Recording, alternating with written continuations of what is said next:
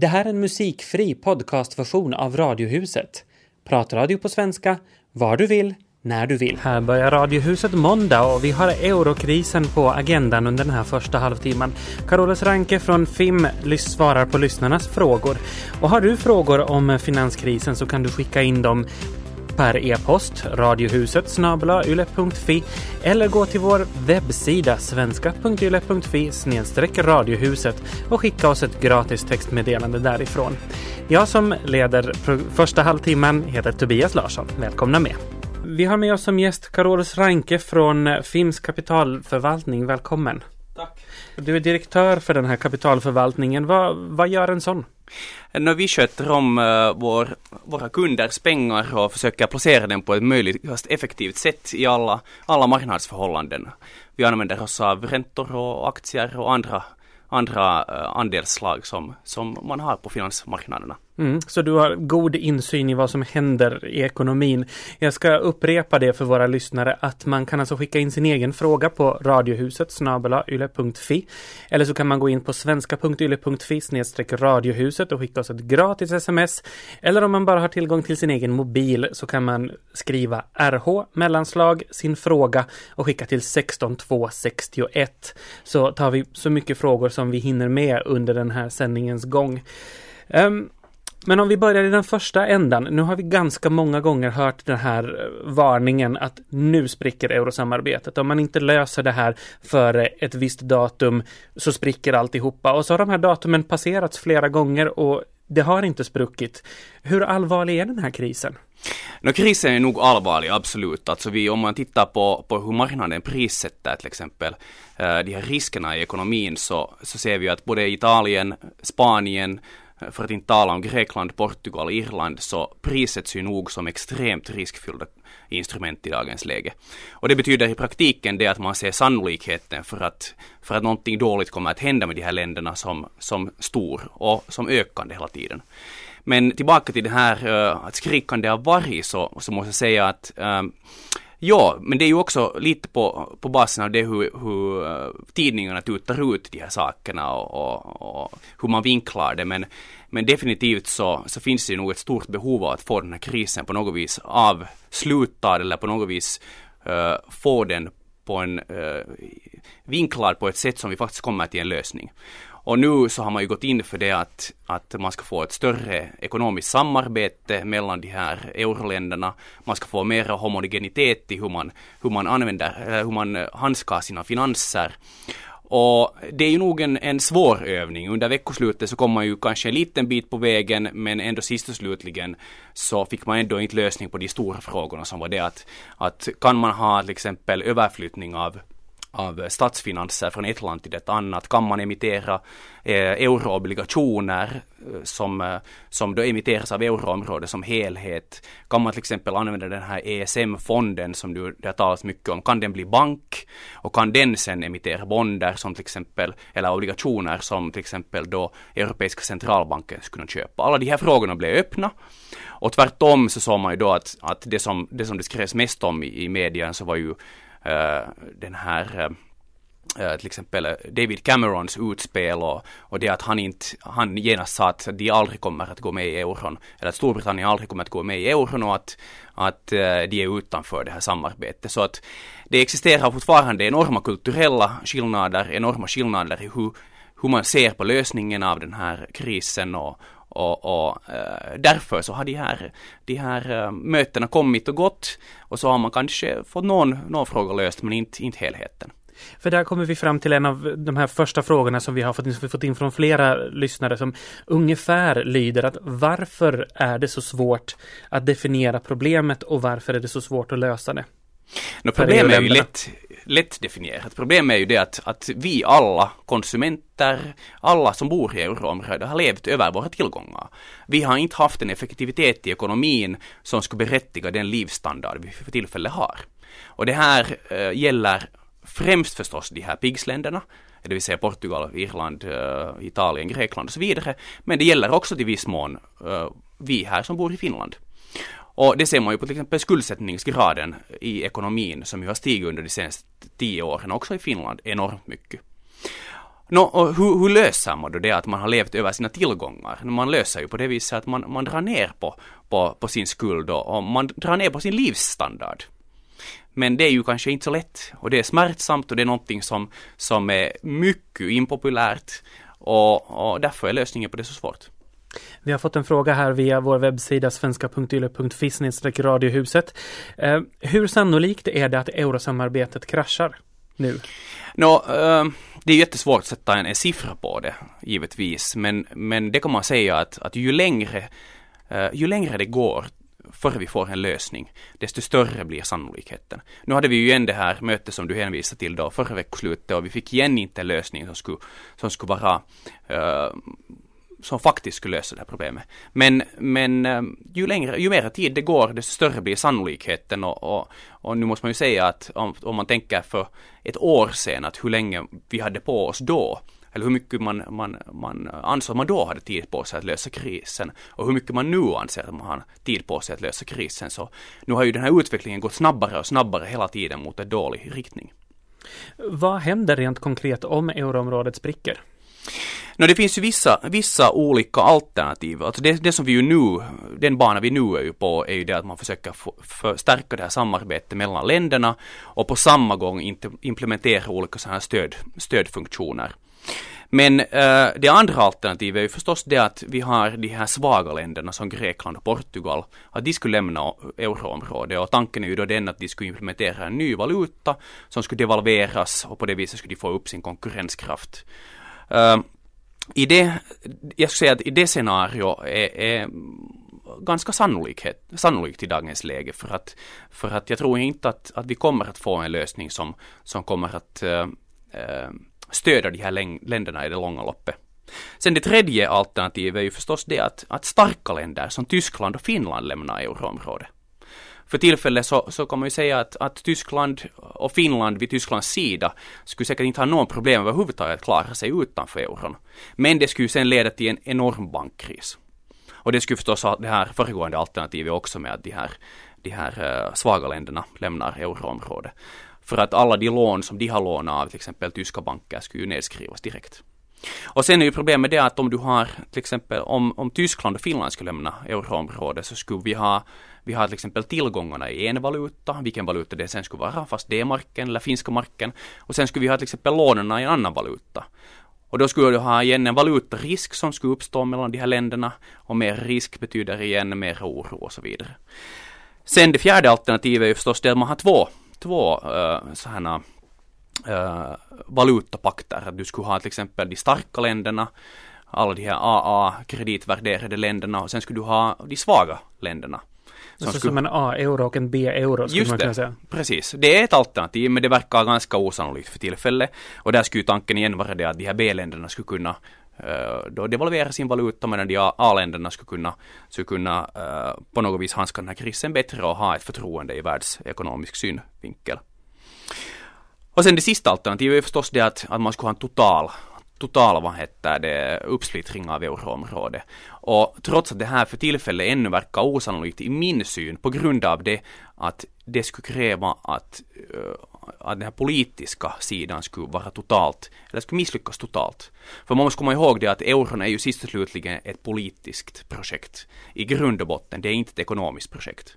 Och om euron skulle, skulle brytas upp totalt så betyder det också det att Tyskland, Frankrike, alla de här länderna skulle ha misslyckats kapitalt i sin politik. Men det, det alternativet finns och det har ju skrivits om nu allt mer och mer i tidningen. Idag sa man också att vet du, centralbankerna håller på och förbereder en, en, den här möjligheten. Och, och, och, jag måste säga att, att för varje sådant möte som kommer och går så, så börjar ju det alternativet se mer och mer sannolikt ut, som jag sa här tidigare. Men, men jag tror nog att, att man för, försöker med alla politiska och monetära lösningar för det. Vi eh, får in nya frågor här på, på webben eh, via vår webbsida svenska.yle.fi radiohuset där man kan skicka in frågor gratis. Och det verkar som att den största oron bland våra lyssnare gäller just Finlands situation. Eh, hur länge, hur länge ska vi hållas på att betala för de här länderna som har misskött sina ekonomier? Frågar en lyssnare. Ja, no det är ungefär lika länge som vi hålls med i euroområdet. Men vad den där summan sist äh, slutligen blir, så det är svårt att säga. Att nu för tillfället så har vi ju, har vi förbundit oss till 14 miljarder euro äh, via den här ESM-fonden. Uh, äh, sen så finns där också, Finlands centralbank har ju satt in lite pengar också. Så att um, ja, det här är igen en politisk fråga och inte en ekonomisk fråga. Att så länge politikerna anser att det, det är värt att vara med i, i euroområdet som en del av Europa och försöka få en, en så här ekonomisk och politisk pakt som skulle vara motpol till Kina och USA. Så länge så håller vi på att betala för, för euron. Och, och vad prislappen sist slutligen blir, så det är svårt att säga, men, men stor kommer den nog att bli. Och, och men eh, men sen om man tänker på att, att eh, gå ut från euron så det är ju också, det förknippas ju också med en enorm prislapp som sen skulle slå på bankerna och, och, och om banksystemet eh, svajar så svajar nog också statens ekonomi. Tack Carolus Ranke. Vi fortsätter om en alldeles liten stund. Fortsätt skicka in era frågor eh, via sms. Då skriver ni RH mellanslag er fråga och skickar till 16261. Eh, I Sverige har det diskuterats nu eh, ifall det är pressetiskt att använda sig av eh, experter från banksektorn eller från finanssektorn överhuvudtaget eftersom eh, de då skulle vara del i målet. Eh, vad säger du om det? No, yeah jag ser som så att jag tangerar det lite här att, att vem som har varit, vem som har orsakat krisen och vem som har varit delaktig i krisen och vem som har dragit nytta av krisen. Så jag skulle säga som så att ja, banksektorn har absolut ett ansvar. Ett ansvar för att ha, ha bilda produkter som kanske inte varit fördelaktiga från samhällssynvinkel också uh, spela ibland på ett sätt som inte är fördelaktigt från samhällssynvinkel. Men sen å andra sidan så måste man komma ihåg att, att de spelreglerna som är uppsatta, så de är uppsatta av politikerna. Och sen måste man komma ihåg också att vem som egentligen dragit nytta av hela den här rulliansen. Och som jag sa tidigare så vi har ju de facto alla dragit nytta av det. Att banksektorn eh, ses ju hemskt som en sån här homogen eh, och, och mycket Eh, eller ses för tillfället som en, en ganska bad guy i hela, hela systemet. Men, men faktum är det att många spelare, de flesta spelare har ju spelat nog helt med rena kort och faktiskt försökt göra sitt bästa för sina kunder. Och det är ju det som banksektorns sist slutligen roll är. Men sen kan man ju också se det på det viset att, att till exempel eh, räntenivån som vi har idag, i dagens läge som ligger på kring 2 procent på 10 års, 10 års basis. Så den, av den har ju dragit nog nytta en, eh, en stor del av konsumenterna. Jag menar bostadslånen skulle aldrig vara så här billigare i det här landet om vi skulle ha en bra ekonomisk situation till exempel. Att på det viset så har ju också enskilda konsumenter dragit nytta av det här. Att eh, borde det då vara omoraliskt till exempel att ta bostadslån med de här räntorna när man vet att de facto de här räntenivån beror på det att, att, eh, att problemen är så här stora för, för många i, i Sydeuropa. Det är ju, det är ju lite, det är en, det är en svår, det är en svår sak att, att uh, svara på och, och sist slutligen skulle jag säga att, att alla som har, har agerat moraliskt och etiskt rätt så har ju kanske lite mindre ansvar men de som inte har gjort det så har ett större ansvar.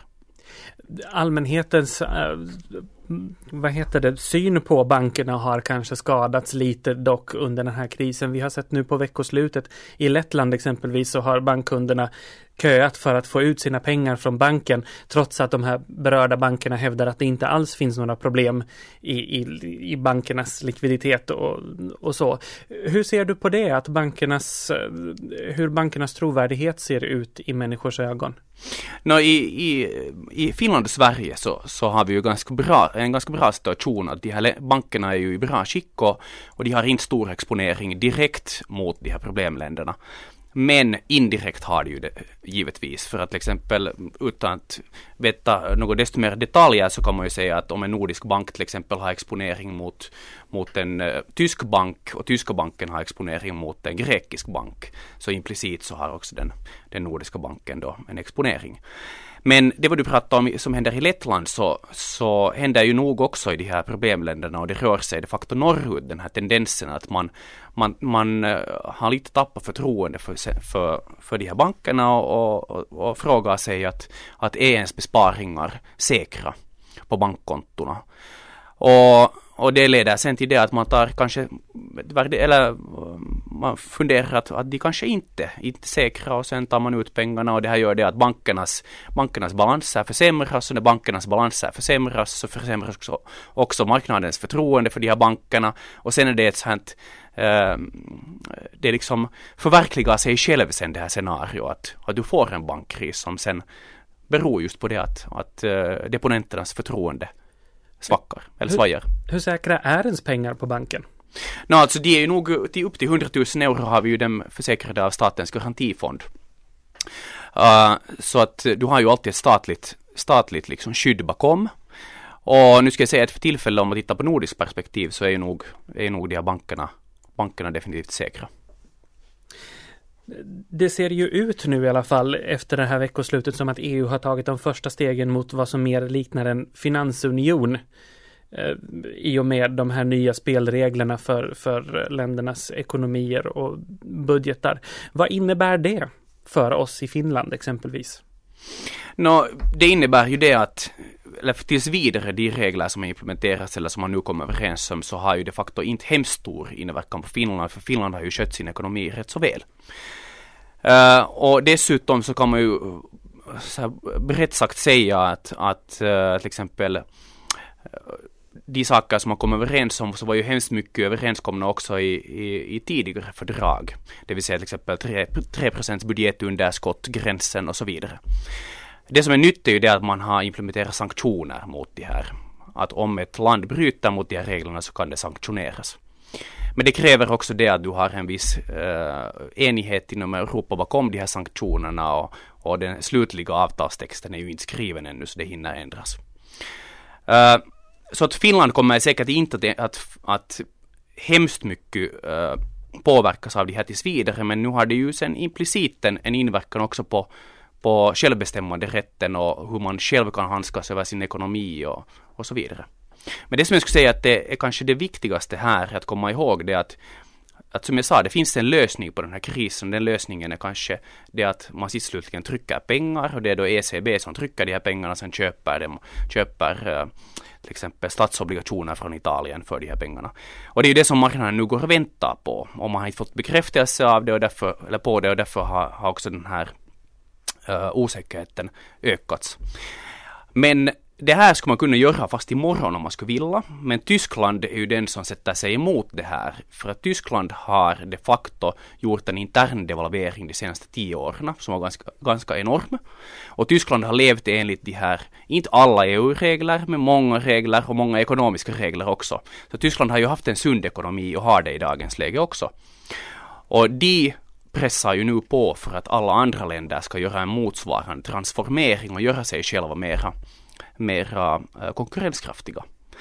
Och om ECB nu skulle gå in och trycka pengar och lösa den här krisen åtminstone tillfälligt på det här viset, så skulle det betyda det att Tysklands krav på en striktare ekonomisk politik och striktare ekonomisk disciplin så skulle urvattnas. Och därför har man kanske en liten så här äh, armbrytning här för tillfället att Tyskland, Tyskland som har övertaget så de, de stipulerar de här åtgärderna och de andra länderna försöker strätta emot så långt det går och sen ser vi vad lösningen är. Men, eh, men för tillfället ser det ju nog eller väntar sig åtminstone marknaderna ännu också att i förr eller senare så kommer, kommer ECB att, att stiga in och, och, och lösa det här. Och då så har vi säkerligen en uppgång också på aktiemarknaden. Carolus Ranke som är direktör vid FIMS kapitalförvaltning. En sista snabb fråga som har kommit in på sms. Och det är en riktigt snabb fråga. När vänder det? Uh, sen när ECB börjar trycka pengar. Tack så mycket Carolus Ranke från FIMS kapitalförvaltning. Tack för att du kom till Radiohuset. Tack. Vi har ju snackat eh, en del om pengar tidigare idag med Carolus Renke. Pengar som kanske försvinner, men en som har fyrk så det räcker och blir över det är ju Paul McCartney, ex-Beatlen, som konserterar i Helsingfors nu ikväll. Skulle du Tobias ha velat bänka dig i arenan om några timmar. Jag trodde du skulle fråga om jag skulle vilja ha hans pengar. Ja, det skulle jag gärna ja, vilja. det vet jag ju. Eh, jag skulle hemskt gärna vilja, jag skulle hemskt gärna vilja sitta i arenan faktiskt. Om inte annat så just för att skåda Sir Paul. Jag menar, han är ju, om inte han är en legend så, så finns det inte så många andra som kan göra anspråk på den titeln heller. Tvivelsutan, jag skulle gärna ha kastat mig in dit i arenan jag också. Om inte annat då så för, för möjligheten att få känna just historiens vingslag. Mm -hmm. han har ju faktiskt lovat just det här i Helsingin Sanomats intervju. En kväll med minnen och bekant musik både från Beatles-tiden, Wings-eran och från solokarriären. Macka han säger att det, det, blir en ganska enkel show, inget Las Vegas-spektakel. Har du, månntro, eh, någon personlig favorit signerad McCartney? Mm, ja, alltså Beatles-mässigt så har jag alltid varit jättesvag för Fixing a Hole faktiskt. Mm. Från Sgt. Pepper. Den tycker jag är riktigt, riktigt bra. Väldigt underskattad sådär. Uh, men sen när det gäller låtar som han har skrivit och producerat på det stora hela så Goodbye som han skrev för Mary Hopkin. Mm. Tycker jag är en riktig pärla. Den är sanslöst bra. Ja. 30 000 personer såg förra Keikkan i Finland, det var 2004 det. Eh, och då gjorde han en bejublad entré med finska flaggan i högsta hugget. Och 1972, för nästan alltså, vad blir det, 40 år sedan, så var han här med Wings. Och då försenades Åbokonserten med en dryg timme på grund av att den gode Paul tog en liten eftermiddagsslummer och ingen vågade väcka honom. Jaha du. Ja. Risken finns kanske för det här ikväll också, för inte kan han väl ha blivit piggare? Eller? Ja, han är väl en vital rockfarbror om vi säger så. Han har, väl, han har väl hört till de här rocklegenderna som har åldrats med ganska mycket värdighet ändå. Och, får man väl säga. och gras, ja visst. Ja, faktiskt. Det. Och rent musikaliskt är han ju betydligt bättre kanske nu än vad han var i någon slags mellanperiod där när han var lite vilsen efter Beatles. Mm, kan tänkas. Och vad kan publiken vänta sig dagsformsväg ikväll nu då? Ja, i Stockholm eh, häromdagen då drog han hem eh, tre plus av fem möjliga i Aftonbladets recension. Och det får väl betecknas som rätt så bra jo, då. absolut. Mm. Kritiker ska man ju komma ihåg är ju kritiker och om man läser fansens nätkommentarer så var det en riktigt fin och belönande upplevelse. Ja, och jämför med hur de brukar såga Dylan nu för tiden. ja, precis. Så jag menar, tre plus är ju, det är ju smicker. Ja, det är det. Mm. Och den här mannen, McCartney, han är alltså runt 70 80 år just nu och håller på i nästan tre timmar. Alltså, så man kan nog verkligen se fram, fram emot en, en fin upplevelse skulle jag gissa. Och, och då bjuds man på popmilstenar som, bara för att plocka ett par nu då, Hey Jude, Let It Be, Back in the USSR, Long and Winding Road, Paperback Writer och Band on the Run. Det här var någonting av vad han spelade i Stockholm och det kommer säkert någonting liknande ikväll. Så då, nu tror jag att det kan vara värt att kolla in på McCartney i arenan i Helsingfors ikväll. Lars-Erik Gästgivars, eh, riksdagsman för SFP och ordförande för Korsholms fullmäktige. Välkommen hit till oss på Radiohuset. Tack, tack. Idag var det äntligen dags. Många år av lobbning gällande elektrifieringen av järnvägsbanan mellan Vasa och Seinäjoki belönades klockan 13.25 då det första eldrivna Pendolino-tåget rullade in i vårt ganska så nya resecenter. Du var där och höll ett litet anförande för Korsholms del. Hur kändes det? Ja, nu var det ju fint när man såg det nya stora tåget som rullade in dit på banan. Jag måste nog faktiskt säga att det, det kändes skönt. Och hur var stämningen på plats? Stämningen var upprymd och det var många människor. Jag vill säga att det var 400-500 människor som var intresserade och det är väldigt mycket på en sån där plats. Ja, det är det. Vad skulle du säga sådär någorlunda kortfattat? Vad betyder det här nu för regionen? No, det här betyder för det första att järnvägen lämnar kvar. Det, det, är väl det viktigaste då man nu har satsat på den. Och sen är det naturligtvis att vi får raka linjer till Helsingfors.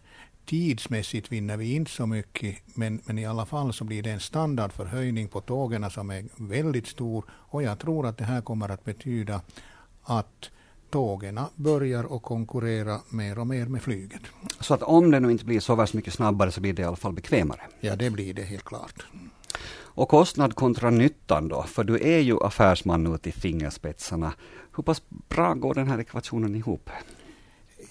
Jag brukar säga att kommuner och städer brukar inte kunna göra några riktiga bra affärer, men det här är ett riktigt klipp. Eftersom det här sist och slutligen inte kostar något mer än en, en till en och en halv miljon. För det är endast räntan som vi betalar på detta lån som vi har lånat till staten. Och räntan har varit väldigt låg under den här tiden. Så det här är ett klipp. Mm, men nog kostar det ju mer än den där miljonen. Vad, är- vad är kalkylen? Nej, ja, själva, själva banan kostar ju naturligtvis en 19-20 miljoner, eller kalkylen var 24, men, men det är staten som betalar det, men regionen kostar det ungefär en till en och en halv miljon. Och det är bara räntorna som vi betalar. Mm? Det tog ju sin tid i alla fall från, från sent 80-tal till nu. Varför så himla länge innan det, det, det, det kom till skott? Det här är politik och det här är eh, politik tar alltid lång tid. Man ska bryta arm med olika saker och man ska ha utredningar och det det ena och det andra. Det här är inte samma sak som i affärsvärlden. Där går nog sådana här saker betydligt snabbare. Mm. Och eh, det har ju eh, sagts eh, och varit uppe i massmedia ganska mycket det här med att det är trögt med samarbetet mellan Vasa och Korsholm. Men en sån här sak då, där man kommer, kommer så här bra sams, vad säger det om, om samarbetet? Inte vet jag nog om samarbetet mellan Vasa och Korsholm direkt har varit dåligt, men, men eh, det är ju alltid när det är två parter eller mera, mera parter och det är kommunala saker så ska det upp i egna beslutande organ och det, det är trögt och det, det tar lång tid och så vidare bortåt.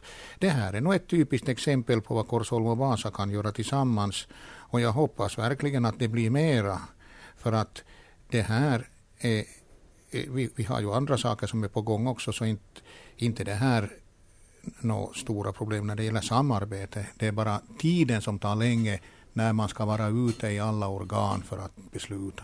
Mm. Och eh, hur, hur- ser du på, på hur samarbete överlag kan bli bättre för att stärka ska vi säga, den här regionens roll som, som ja, och dynamiken? Nå, jag, har ju, jag hör ju till de människor som, som har trott på att en större enhet här kring Vasa skulle vara bra. Men jag kan ju inte säga det ja till någonting som inte är utrett och därför har jag då hela tiden försökt på att vi ska få någon utredning till stånd så vi vet vad vi ger oss in på för att staten har åtminstone en ambition att slå ihop det här och det är klart. Mm. Ser du med oro framåt det, eller förhoppning eller? Jag ser, jag ser lite med oro på det viset att vi inte har någon framförhållning, åtminstone i vår kommun, och inte heller någon plan B eller någonting, vilket jag tycker att vi borde ha och ska borde ha överenskommet redan med eventuella samarbetspartner. Men det har vi inte, så nu då får vi vänta på vad staten ger för besked. Och de kommer ju att komma, första kartorna kommer efter presidentvalet, inte släpper man ut någonting sådant här före presidentvalet. Mm, får säkert anledning att återkomma till just den här frågan, vad det lider. Eh, avslutningsvis då Lars-Erik Gästgivars, så mm, på, på vilka andra sätt kommer passagerarna att märka av nymodigheten elektrifieringen? Nå, på det viset att man, man kommer att kunna stiga på tåget i Vasa och köra rakt till Helsingfors. Sen är det ju naturligtvis en helt annan standard. Jag for förra veckan med ett sånt här dieseltåg som, som gick 60 kilometer i timmen och, jag var, och, och vi var 25 minuter försenade från Vasa till Seinäjoki. Så tåget norrifrån väntar på oss. Det, det ja, det var nog sista gången med ett sånt tåg som bra var. Mm? Då säger vi tack till dig Lars-Erik Gästgivars. Hej. Det här var en musikfri podcastversion av Radiohuset som sänds i Radio Vega måndag till torsdag. Mer information om programmet hittar ni på svenska.yle.fi radiohuset.